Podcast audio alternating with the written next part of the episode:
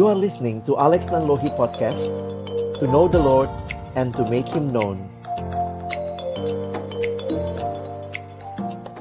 Jadi tadi sudah diperkenalkan siapa saya. Saat ini saya di Jakarta dan sudah sebenarnya saya sudah jadi lebih lama tinggal di Jakarta daripada di Makassar karena sudah uh, bekerja, pelayanan dan berkeluarga juga di Jakarta. Tapi tentu tidak bisa lupa karena saya juga lahir dan sebenarnya besar sampai SMA ada di kota Makassar ya, dulu namanya Ujung Pandang. Nah, uh, Ya ini satu kesempatan yang indah boleh share firman Tuhan. Ya kalau dibilang masih berasa orang Makassar ya iyalah ya masih bisa dilogat ya. Karena saya di rumah juga setiap hari dengan keluarga karena saya masih tinggal sama mama saya sama ada cici saya ya kami semua lahir besar di Makassar jadi masih bisa ji bahasa Makassar uh, logat Makassar. Tapi kesempatan ini kita mau lihat sama-sama tema yang diberikan kepada kita. Hari ini kita bicara Ebenezer, ya. Ebenezer ini biasanya kita lihat ini seperti apa sebagai nama tempat atau mungkin nama nama kalau di Jakarta ada yang juga nama nama gereja, nama sekolah, ya. Nah, kita akan sama-sama melihatnya ya. Um, sebentar saya coba ulangi share screen-nya ya. Ini agak Oke. Okay. Mm -hmm. Baik. Jadi hari ini kita akan bicara tentang Ebenezer dan uh, Kalex pingin juga sih kenal teman-teman ya walaupun saya tahu wah secara online begini agak sulit tapi nggak apa-apa ya kita kenalan dulu sebentar saya ingin tahu kabar teman-teman ya wah gimana saya ingin tahu kabar kalian Cara yang mudah, yang gampang adalah coba perhatikan gambar ini ya. Kalau Kak Alex tanya sekarang, apa kabarmu hari ini? Nah, coba pilih satu nomor yang paling menggambarkan kabarmu hari ini ya. Jujur-jujur aja lah, ini bukan masalah benar salah ya. Bapak Ibu juga boleh ikut gitu ya. Silakan nomor berapa yang paling menggambarkan kondisimu hari ini ya. Nggak ada benar salah. Kalau bilang saya dua kak, satu mau ya. Coba Silakan teman-teman, kita bertukar kabar. Thank you yang sudah menulis. Silakan. Thank you. Ya, silakan kita bertukar kabar juga ya. Ada yang masih nomor 5? Aduh, saya mager ini, mager ya. Ya, nggak apa-apa ya, namanya kita jujur gitu ya. Oke apa perasaan teman-teman. Tidak semuanya pasti sedang dalam situasi yang baik-baik saja ya. Jadi Kak Alex juga tidak mau menipu. Apa kabar luar biasa? Ih, tahunnya kau bilang apa luar biasa? Saya lagi bergumul ini Kak ya. Apa pun kabarmu, mari kita bertukar kabar ya. Oke. Thank you buat teman-teman yang sudah merespon. Saya berharap kita bisa kenalan mungkin gitu ya. Kalau sekarang kenalannya di mana? Di medsos kali ya. Ya, Kak Alex juga ada medsos kalau kalian mau uh, add atau mau temenan silahkan ya. Saya juga bersyukur dengan uh, teman-teman kakak-kakak kelasmu ada beberapa yang masih kontak juga sampai hari ini ya. Thank you kabarnya teman-teman semua. Nah, sekarang kita masuk ke temanya ya. Silahkan kalau masih ada yang mau ketik atau lambat komputermu ya silahkan. Oke, tapi kita harus lanjut ya. Di mana muncul Ebenezer? Dari mana istilah ini ya? Jadi Kak Alex ingin menunjukkan kepada teman-teman bagaimana istilah ini ada di dalam Alkitab dan kalau kita memakainya, kita menyebutnya, kiranya kita memahami konteksnya, ya. Hari ini kita akan melihat cerita aslinya dari kata Ebenezer. Kan biasanya begitu ya. Setiap kota, setiap tempat ada uh, apa ya ada sejarahnya. Nah, nanti kalian pelajari lah ya. Kalau dulu kan misalnya kenapa namanya ujung pandang? Wah lalu kemudian berubah kembali lagi jadi Makassar. Kan dulu sekali juga namanya Makassar ya.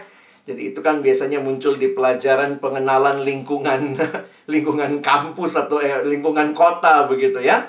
Nah teman-teman di dalam Alkitab ada istilah Ebenezer. Apa sih ceritanya Nah, kita akan lihat 1 Samuel 7 ayat 2 sampai 14 ya. Biar gampang Kak Alex bagi dua saja. Waktu kalian nanti lihat 1 Samuel 7 ayat 2 sampai 14, perhatikan nanti ayat 2 sampai 9, kita lihat bagaimana orang Israel itu berdosa, tapi kemudian Tuhan juga memulihkan mereka. Lalu nanti ayat 10 sampai ayat 14, nah di situ kalau kita ketemu istilah Ebenezer ya supaya kita ngerti konteksnya. Jangan cuma pakai istilahnya ya, tapi kita nggak paham artinya dan kenapa sampai kemudian diberi nama seperti itu. Nah, kita baca pelan-pelan ya. Kak Alex aja kita baca. Ini kan ada sedikit sejarah. Jadi saya tolong sedikit sama visual. Paling tidak kalian tahu letak di mana tempat itu ya. Nah, di dalam pasal 7 ayat 2 dituliskan sejak saat itu Sejak saat tabut itu, jadi dulu kan ada tabut ya, mereka angkut itu orang Israel ke mana-mana bawa tabut Allah, karena waktu itu kan belum ada uh, belum ada bait Allah ya, jadi tabut itu masih dibawa-bawa. Nah sejak saat tabut itu tinggal di Kiryat Yearim, nah ini Kiryat Yearim ya, berlalulah waktu yang cukup lama, yakni 20 tahun. Dan seluruh kaum Israel mengeluh kepada Tuhan. Teman-teman kalau kalian perhatikan sebenarnya Israel ini kan apa ya? Orang Makassar bilang bana ya? Keras kepala. Terus menerus melakukan hal yang sama. Kalau sudah ada bencana datang buru-buru cari Tuhan. Tapi kalau sudah nyaman hidupnya lupa Tuhan. Nah itu juga kita ya kadang-kadang kalau mau ujian mau ulangan aduh Tuhan Yesus tolong. Ya, kebaktian pura-pura. Ya bukan pura-pura ya berusaha serius. Begitu sudah bagus Mi ulangannya sudah selesai semua. Ah sudah Mi. Nggak usah Mi lagi peduli Tuhan ya. Jadi kayak kadang-kadang kita cari Tuhan kalau lagi sulit. Tapi ya itu benar. Satu sisi ya lebih baik cari Tuhan waktu sulit jangan cari yang lain ya. Tapi kiranya di masa-masa indah kita pun tidak lupa Tuhan ya Nah, jadi waktu itu Israel mulai mengeluh kepada Tuhan. Perhatikan ayat 3. Lalu berkatalah Samuel kepada seluruh kaum Israel, jadi ternyata mengeluhnya kenapa? Karena sudah bikin dosa 20 tahun sudah lupa Tuhan. Nikmati dosa. Makanya kalimatnya Samuel lihat ayat 3 ya. Jika kamu berbalik kepada Tuhan dengan segenap hati, maka jauhkanlah para Allah asing dan para asitoret di tengah-tengahmu dan tujukanlah hatimu kepada Tuhan dan beribadalah hanya kepadanya. Maka ia akan melepaskan kamu dari tangan orang Filistin. Jadi kita jadi ngerti konteksnya. Oh, mereka mengeluh karena waktu itu justru mereka dikuasai oleh orang Filistin, tapi Israelnya juga nakal, bandel. Mereka me, apa, menyembah Allah asing, para Asitoret. Ayat 4. Kemudian orang-orang Israel menjauhkan para Baal dan para Asitoret dan beribadah hanya kepada Tuhan. Wah, setelah Samuel mengatakan begitu mereka bertobat. Nah, sedikit ke Alex cerita ya. Ini pagi ini kita banyak cerita lah supaya kalian ngerti. Pada waktu itu, Allah itu konsepnya adalah teritorial.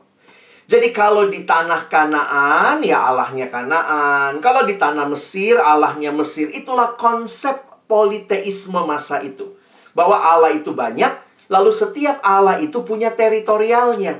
Jadi kalau misalnya Allah Mesir pindah misalnya ya orang Mesirnya ke Kanaan, harusnya Allah Kanaan yang disembah karena sudah di luar kuasanya Allah Mesir. Kira-kira begitu. Jadi itu konsep pada masa itu. Jadi mereka tidak memahami ada Allah yang alam semesta itu adalah miliknya. Nah, itulah Allahnya Israel ya. Jadi Israel waktu mereka masuk ke tanah Kanaan bukannya tetap menyembah Allah, tetapi mereka tambah lagi. Jadi tetap ada Allah yang mereka sembah, Allah Yahweh, tapi dia tambah lagi sama Allah asing, Allah yang disembah oleh orang Filistin yang ada di tanah Kanaan. Jadi kan ingat ya, Tuhan bawa Israel keluar dari Mesir, masuk ke Kanaan. Masuk ke tanah perjanjian. Nah, waktu masuk ke tanah perjanjian, mereka masih menyembah Yahweh, tetapi mereka juga mulai menyembah Allah-Allah yang ada di tanah Kanaan. Pada waktu itu konsepnya begitu ya. Pindah lokasi, Allahnya pindah juga. Jadi makanya kalau pindah begitu kayak nanti Allahnya roaming ya. Nggak bisa Allahnya main di sini, kira-kira begitu. Nah teman-teman, waktu Kak belajar kenapa sih Israel itu kok selalu masalahnya sama Allah asing. Teman-teman jangan lupa begini ya. Nah, saya mendongeng lagi ini cerita ya, tapi ini cerita Alkitab. Ternyata pada masa itu Allah Israel itu dikenal sebagai Allah pemimpin perang. Nah, kenapa? Karena ingat bagaimana Allah Israel bawa Israel keluar dari Mesir. Dia memimpin mereka seperti panglima perang. Jadi orang Israel itu punya konsep Allahnya mereka yang namanya Yahweh itu pemimpin perang. Tetapi waktu masuk ke Kanaan, mereka harus tinggal di situ. Ingat, mana sudah tidak turun. Tidak ada lagi turun mana. Jadi mereka harus bercocok tanam untuk memberkati pertanian, orang Filistin itu menyembah ini, Baal Asitoret. Jadi akhirnya orang Yahudi mikir begini kan, orang Israel. Oh Allahku itu cuma kuat di peperangan. Nanti kalau di tengah pertanian, ah mesti coba Allahnya mereka ini nih. Allahnya bangsa Filistin. Makanya teman-temanku pada waktu itu yang terjadi apa? Orang Israel menduakan Tuhan, tetap dia sembah Tuhan, tapi dia cuma ingat Tuhan yang membawa kami keluar dari Mesir. Tapi pada saat yang sama, hati mereka menyembah kepada Allah-Allah lokal untuk memberkati pertanian mereka. Jadi kalau kalian lihat sepanjang masa hakim, hakim Samuel ini kan hakim ya. Nanti kalau kalian baca lagi di Alkitab masa raja-raja, semua masalahnya sama selalu cari Allah asing. Nah, yang namanya sering muncul ini Baal. Baal itu punya istri namanya Asyera. Nah, itu dewi kesuburan. Baal itu dewa kesuburan. Dan ini juga ya para Asitoret itu dewa-dewa kesuburan orang Filistin. Itu mereka sembah. Nah, makanya setiap kali Nabi Tuhan datang, Nabi Tuhan mau bilang apa? Ingat loh, Tuhan itu Tuhan semesta alam. Dia bukan Allah lokal, dan dia Tuhan yang bukan hanya untuk peperangan, tapi juga berkuasa atas pertanian. Tapi itulah Israel ya. Aduh, bandel terus. Selalu merasa kayaknya coba Allah ini, ah coba Allah ini. Nah, dia coba Allah semua. Jadi kayaknya koleksi Allah. Allah Israel, oke okay lah, ini untuk pimpin perang. Tapi kalau nanti bicara pertanian, kayaknya mesti coba Allah ini. Bukankah itu juga jadi pergumulan kita sampai hari ini? Ke gereja sih ke gereja hari Minggu.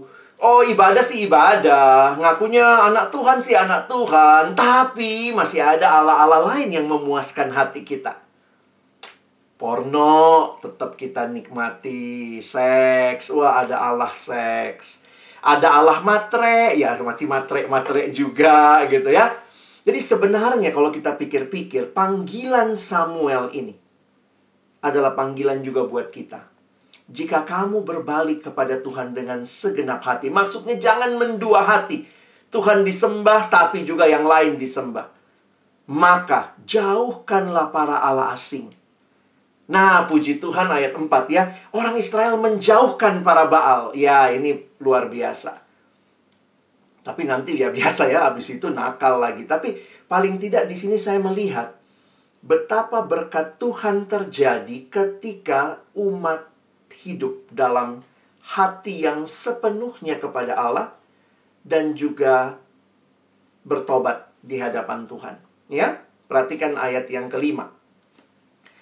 Lalu berkatalah Samuel, ya, setelah bertobat orang-orang lalu berkatalah Samuel, kumpulkanlah segenap orang Israel ke Mispa.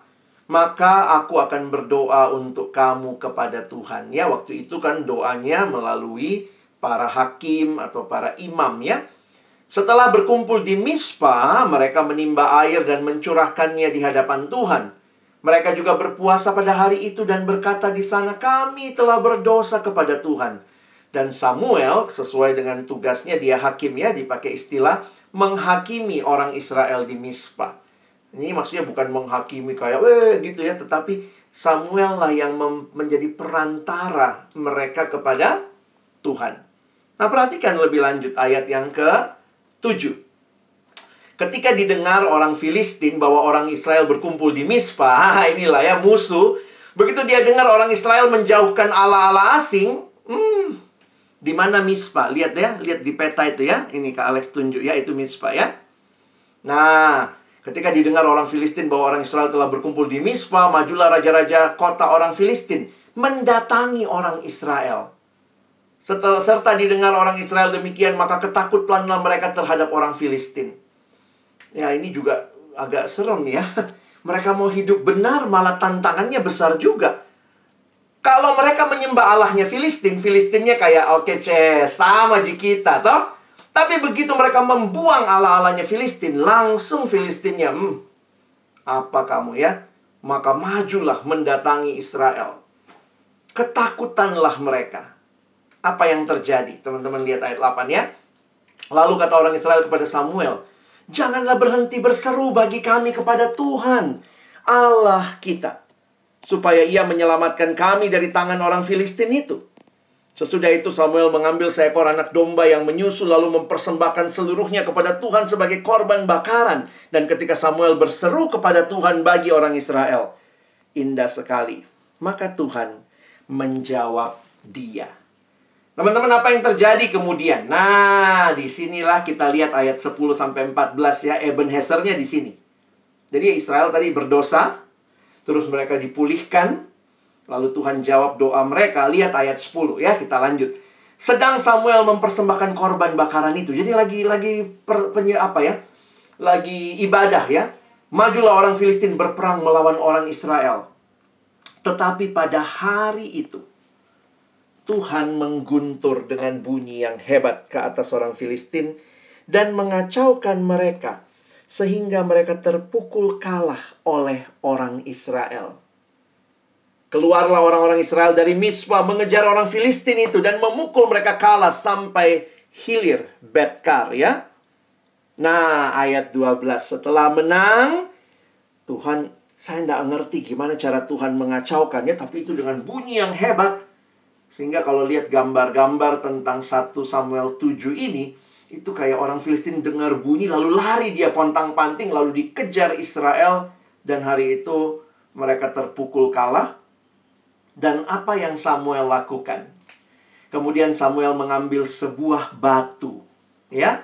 Jadi ini masalah batu ini ya. Mengambil sebuah batu dan mendirikannya antara Mispa dan Yesana ia menamainya, jadi sebenarnya itu nama batu, lalu kemudian daerah itu disebut Ebenheiser.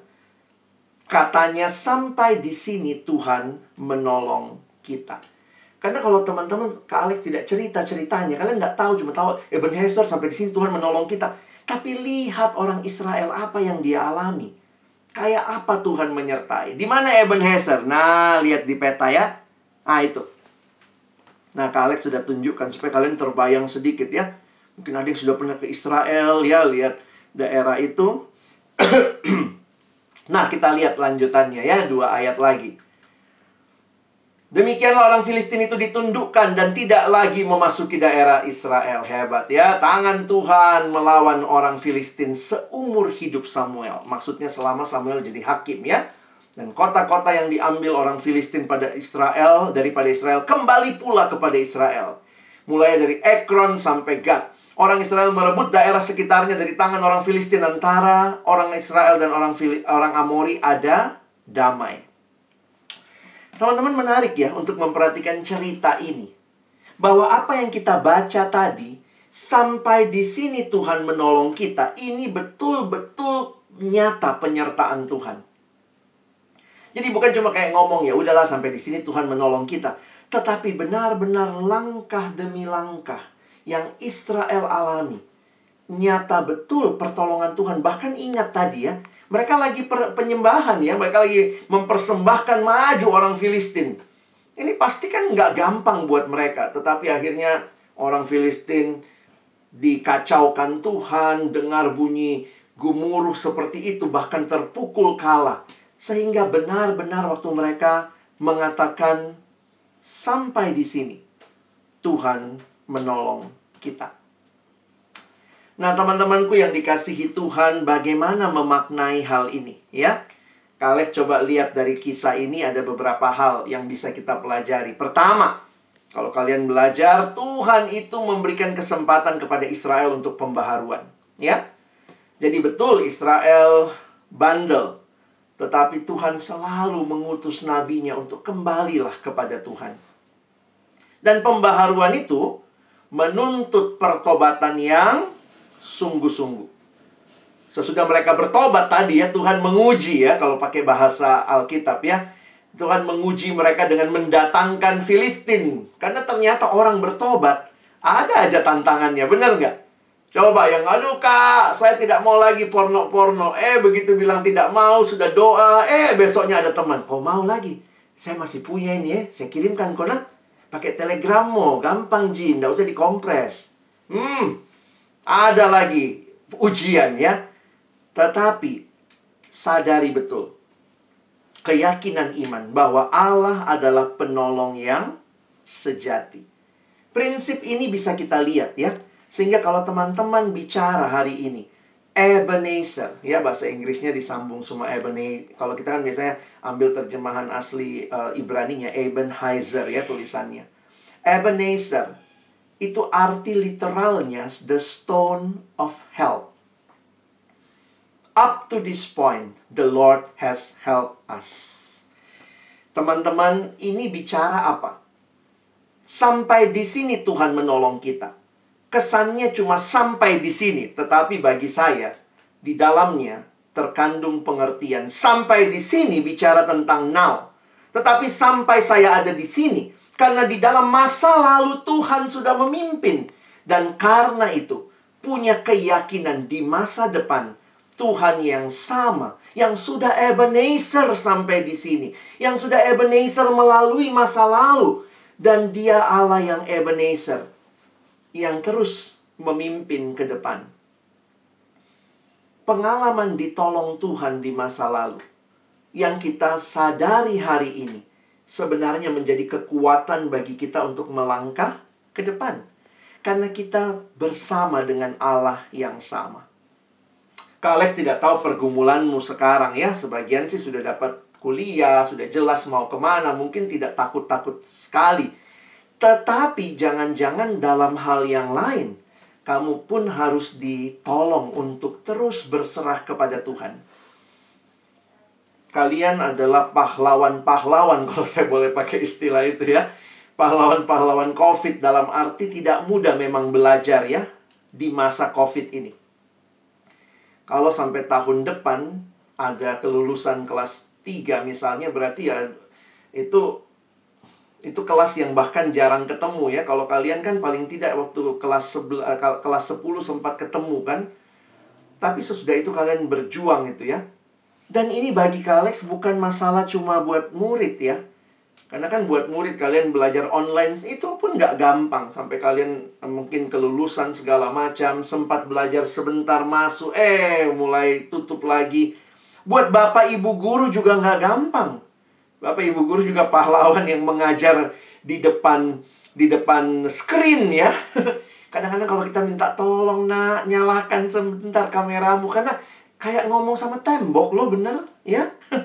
kita cuma minta tolong itu memberi support ya cara kita makanya menarik itu jadi poin respect kita ya. Belajar respect ke orang lain Nanti kalau kalian masuk kuliah mungkin wah itu agak lebih ketat. Dosen itu kalau kau nggak nyalakan kameramu dicoret kamu ya kadang-kadang guru bapak ibu guru kita masih lebih baik ya kayak coba hanya untuk nak nyalakan sebentar ya kita saling mendukung ya. Nah tapi ini jadi realita yang saya harus katakan tidak mudah. Sekolah juga pasti tidak mudah ya semua orang-orang IT turun tangan dan segala macam untuk menolong pembelajaran kita berjalan dengan baik ya. Ada yang harus juga mungkin kerja di rumah gitu. Ada beberapa kali harus uh, penyesuaian gak gampang buat bapak ibu guru yang harus mengajar di rumah itu pada saat yang sama ada anak juga yang harus diajar di rumah. Sementara juga harus ngajar juga anak orang lain itu kadang-kadang nggak mudah. Jadi itu uh, tensi bisa naik gitu ya. Dan inilah realita yang kita alami. Kan COVID ini kan cuma masalah, kok saya bilang cuma ya tanda kutip. Awalnya kan hanya masalah, masalah apa? Masalah kesehatan. Tapi lihat, sudah jadi masalah pendidikan, masalah sosial, masalahnya udah makin ke mana-mana. Bahkan jadi masalah spiritual. Ibadah kita pun harus online seperti ini. Tapi saya bersyukur ya melihat bagaimana Tuhan sudah makin memulihkan kondisi ini ya. Pemerintah kita juga sudah makin tanggap. Sehingga di sinilah kita melihat. Kalau kita hari ini bisa menengok ke belakang. Biarlah kita berhenti sebentar dan bisa berkata, Ebenezer. Sampai di sini. Ini bukan cuma untuk Bapak Ibu guru, bukan cuma untuk pihak sekolah, tapi juga untuk setiap adik-adikku Kalian yang sudah melalui masa yang tidak mudah ini. Sampai di sini, Tuhan sudah menolong. Tahun depan sekolah kita sudah 20 tahun ya. Hadir sebagai sekolah yang menjadi berkat juga bagi uh, bangsa ini ya. Di kota Makassar, di bangsa Indonesia. Banyak lulusan-lulusan yang sudah jadi berkat alumni-alumni. Dan saya melihat kita pun harus bisa dengan diam dan sadar Sampai di sini, siapa yang menolong? Tuhan yang menolong, bukan kekuatan kita. Nah, di balik ini juga tentunya kalian harus lihat ada orang tua, ada berbagai pihak juga yang mendukung kalian ya.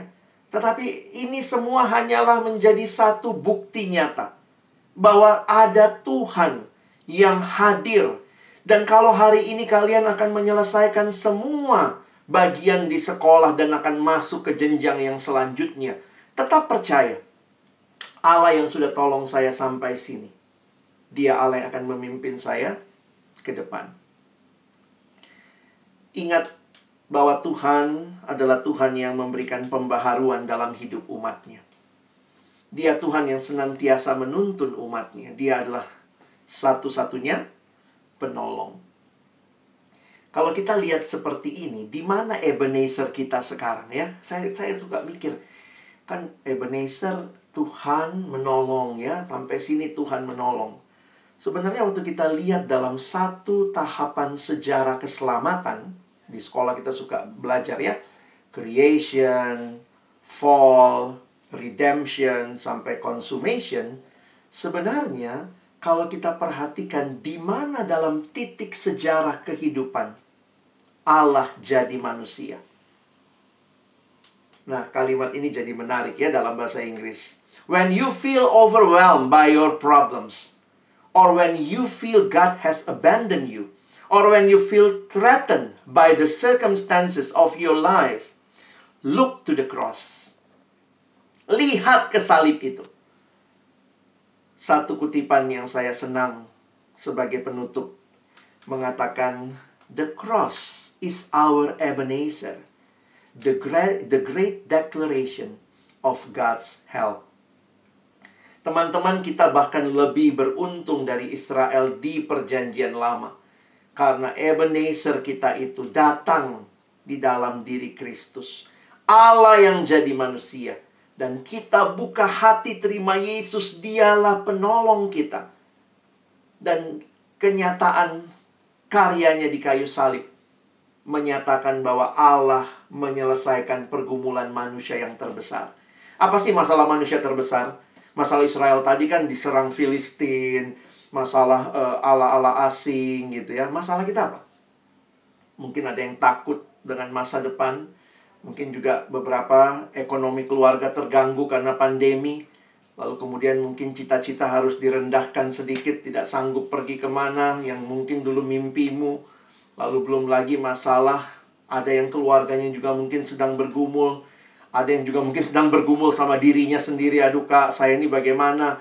Nanti kamu harus keluar dari rumah, mungkin pindah kota. Pertama kali hidup sendiri jauh dari orang tua. Sehingga mungkin semua ini akan menjadi pertanyaan Tuhan, bagaimana saya ke depan? Pandanglah salib Yesus.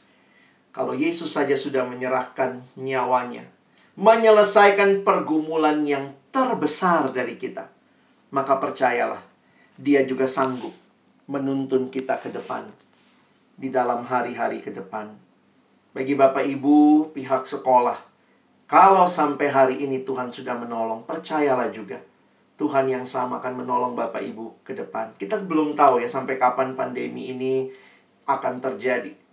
Kadang-kadang muncul lagi yang baru, muncul lagi yang baru. Kadang-kadang buat kita takut ya ini udah selesai atau belum, kita masih belum pasti. Tetapi satu hal yang pasti, Ebenezer, Yesuslah Ebenezer kita. penolong kita yang sejati. Saya menutup dengan sebuah ilustrasi ya. Kak Alex coba kasih ilustrasi penutup. Jadi kalau kalian suka lukisan, wah saya juga waktu itu baca di satu artikel ya. Ada satu lukisan menarik namanya An Allegory of Prudence. Prudence itu kebijaksanaan ya. Jadi pada lukisan An Allegory of Prudence ada seorang seniman Venesia abad 16 namanya Titian. Titian itu dia mencoba memotret kebijaksanaan sebagai seorang lelaki berkepala tiga. ya, kayak apa itu ya? Nah, kalian nanti bisa googling, ini gambarnya. Jadi, Titian waktu dia menulis atau dia menggambarkan kebijaksanaan, allegory of prudence, ini gambar yang dia buat. Ada tiga laki-laki, ya. Ada yang tua, ada yang muda, ada yang ya dewasa ya, yang di tengah. Lalu di bawahnya juga sebenarnya ada tiga hewan ya. Nah, saya nggak bahas hewannya lah ya, itu ada penafsiran lain ya. Nah, apa yang menarik kalau lihat gambar ini? Ya, jadi perhatikan. Orang pertama adalah kepala kepala pertama adalah kepala orang muda yang meng, menghadap masa depan. Wah. Kalau lihat dari kanan dulu ya. Kepala kedua adalah kepala orang dewasa yang menatap masa kini. Dan kepala ketiga adalah kepala orang tua bijaksana yang menatap masa lampau. Nah, nanti kalian cari yang lebih bagus resolusinya di internet. Nah, karena di atas kepalanya ada tulisan sebenarnya ya. Sayangnya memang tulisannya itu agak gelap, makanya nggak kelihatan di gambar ke Alex ya. Tapi itu di atasnya, kalau kalian uh, lihat baik-baik ya, perbesar di zoom. Di atas kepala mereka, Titian menuliskan sebuah ungkapan dalam bahasa Latin. Ya. Nah, tulisannya begini ya. Nanti kalian bisa cari yang lebih jelas. Ah, ini. Ex praeterito praesens prudenter agit ne futura actione detur, deturpet. Artinya, saya juga nggak tahu ya. Saya harus cari Inggrisnya bilang begini. From the experience of the past, the present acts of prudently, the present acts prudently, lest it spoil future actions. Atau dalam bahasa Indonesia, kira-kira terjemahan bebasnya begini ya. Dari contoh masa lalu, manusia masa kini bertindak bijaksana supaya tidak menghancurkan masa depan. Alex senang ya dengan gambar ini karena mengingatkan kita kita tidak hanya hidup di masa lalu. Kalau kamu hanya hidup di masa lalu, kamu tidak pernah melangkah maju. Jangan juga cuma hidup di masa kini. Hanya seolah-olah yang paling penting sekarang ini tetapi juga belajar melihat masa depan, mempersiapkan masa depan dengan baik tentunya ya. Itulah bijaksana. Bijaksana itu tetap melihat. Melihat ke belakang masa lalu, menatap sekarang masa kini, dan menatap ke depan masa depan. Tapi waktu saya renung-renungkan dari apa yang kita pelajari hari ini, Israel itu kan juga gitu ya, melihat masa lalu, melihat masa kini, melihat masa depan ya. Tetapi bagi saya ada satu yang juga perlu saya tambahkan ya. Cuma Kak Alex nggak bikin lukisan ya. Saya mau tambahkan, hidup itu bukan cuma lihat masa lalu ke belakang, lihat masa kini, sekarang lihat masa depan ke depan, tetapi hidup juga adalah tentang melihat melihat ke atas. Karena dengan kita melihat ke atas, kita pun akhirnya melihat di masa lalu ada pribadi Tuhan yang tolong saya. Di masa kini, lihat ke atas ada pribadi Tuhan yang menolong saya sampai hari ini. Dan di masa depan, berjalanlah ke depan tapi juga tetap melihat ke atas tahu Allah yang sama menyertaimu.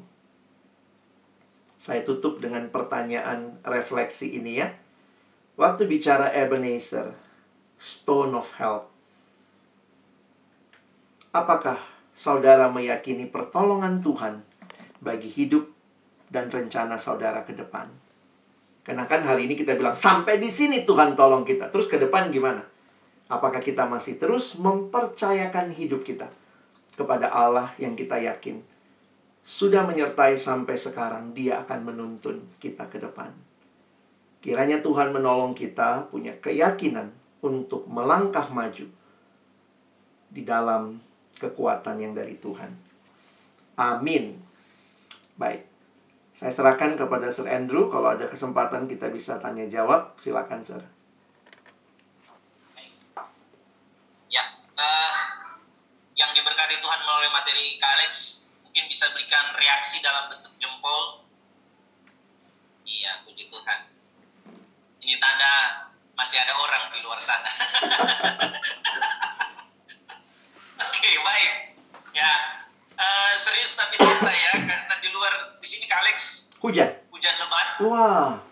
Nah, jadi sangat mendukung ya untuk mata meremelek. Iya, iya.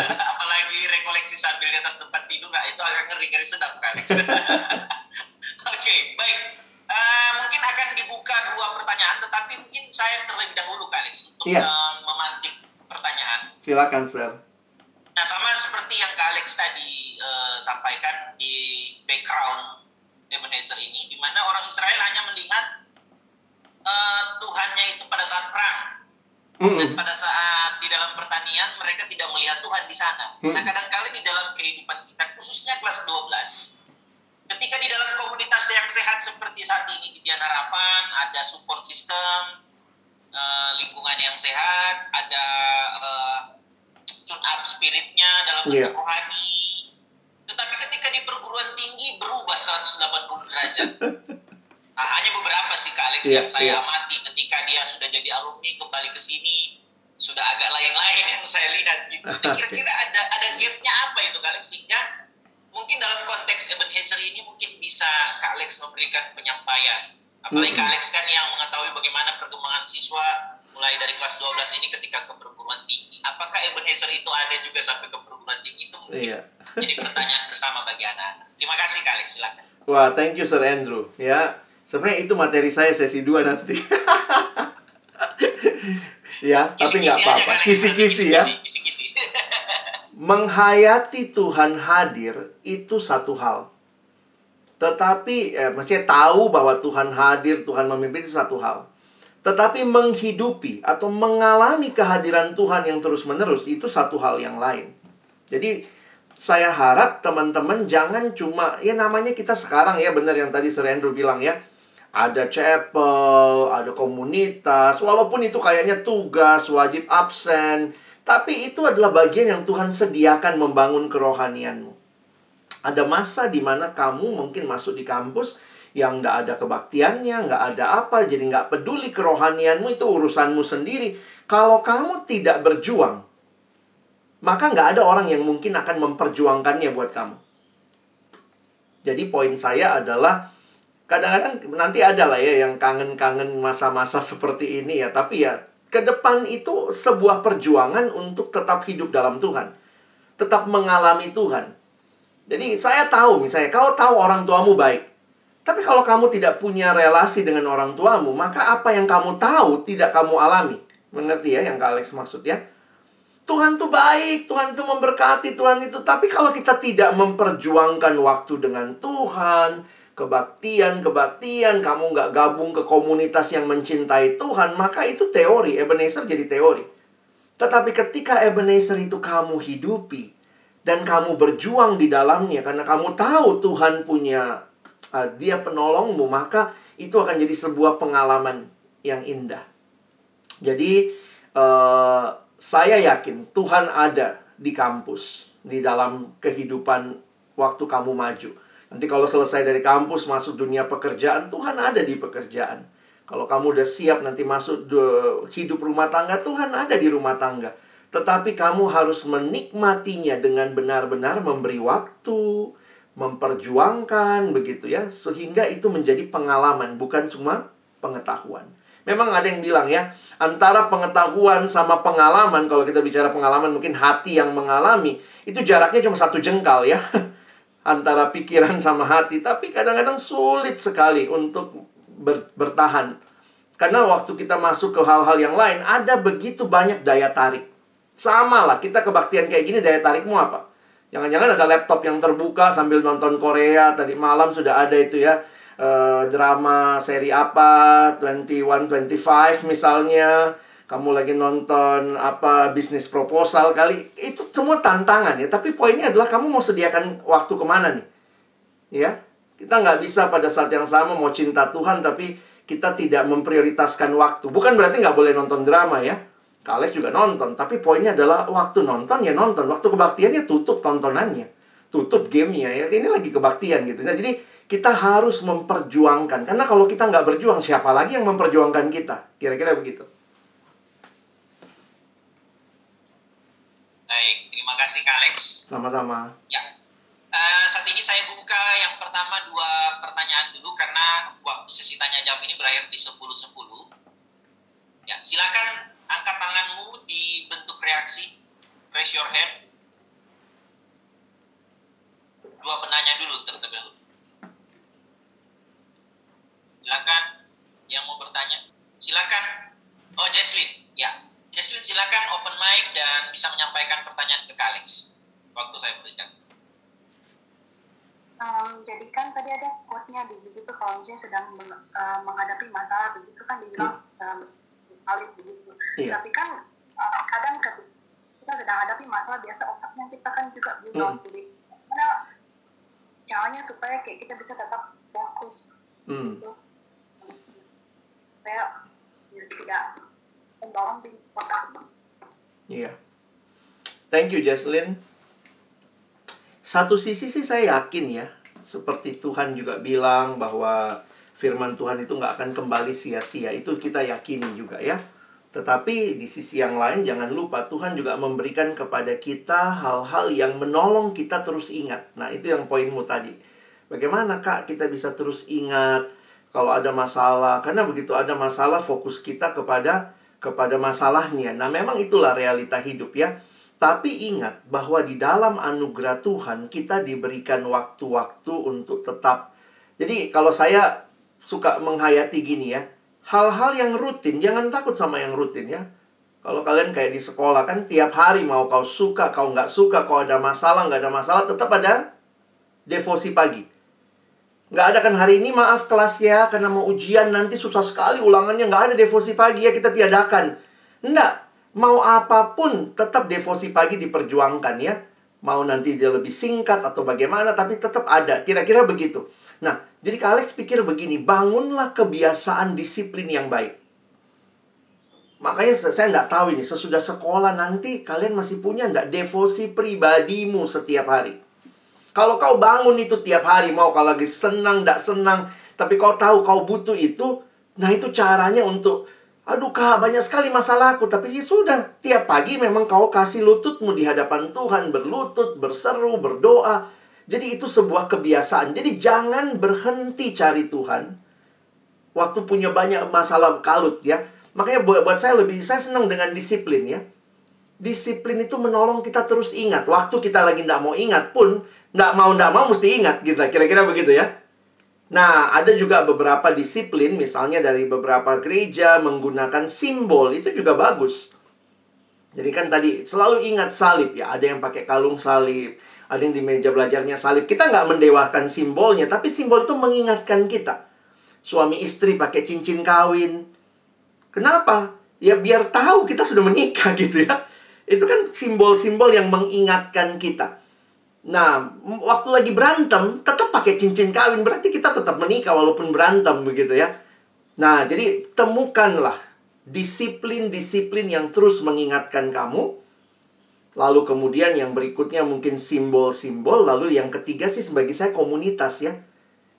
Kau punya kalau kau punya komunitas yang bisa bisa curhat apa adanya, bisa saling mendukung, mengingatkan kamu untuk cinta Tuhan. Nah, kita butuh yang kayak begitu. Saya kaget juga ya, ada satu sekolah yang saya layani beberapa hari yang lalu. Itu ada ada ada kakak kelas ya yang aduh miss, sir, saya kangen ikut de, ikut chapel. Jadi dia datang ikut chapel. Padahal sudah alumni gitu ya. Kenapa? Karena dia merasa saya sekarang sudah jarang diingatkan tentang Tuhan. Jadi dia datang ke chapel sekolahnya begitu. Nah, jadi teman-teman jangan kehabisan cara mengingatkan dirimu.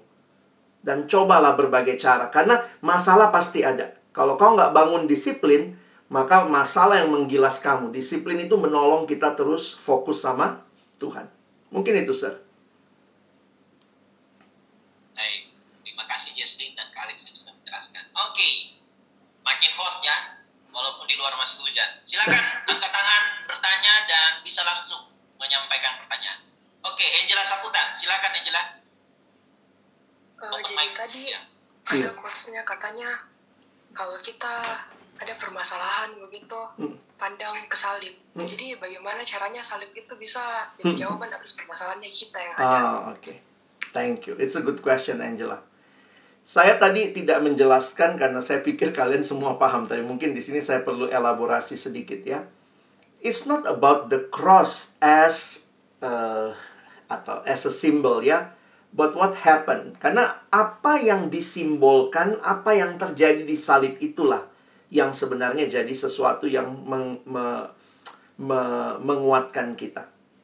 Di salib itu, ya saya ulangi tadi ya, permasalahan terbesarmu Tuhan selesaikan. Jadi istilahnya begini, kalau permasalahan terbesar saya saja Tuhan berikan anaknya untuk saya.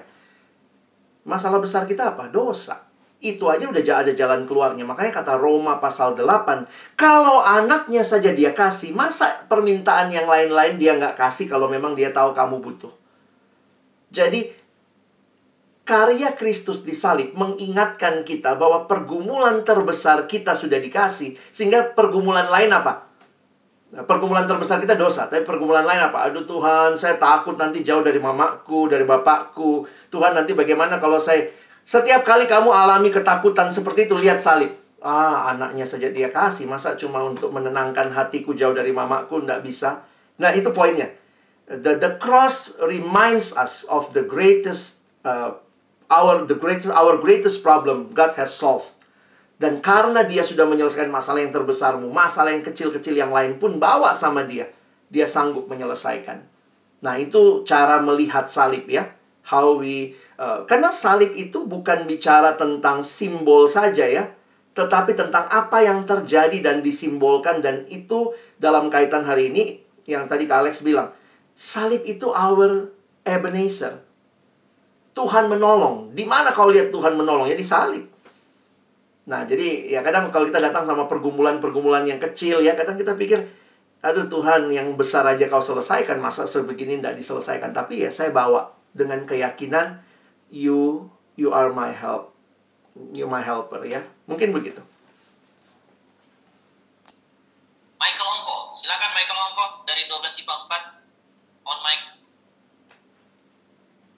Ya, jadi halo Pak Alex. Halo Michael. Uh, Pak Alex, uh, apakah ada cara supaya kita bisa lebih uh, kayak ada motivasi begitu supaya terus ikut Tuhan sama dekat sama Tuhan begitu Pak Alex? Iya.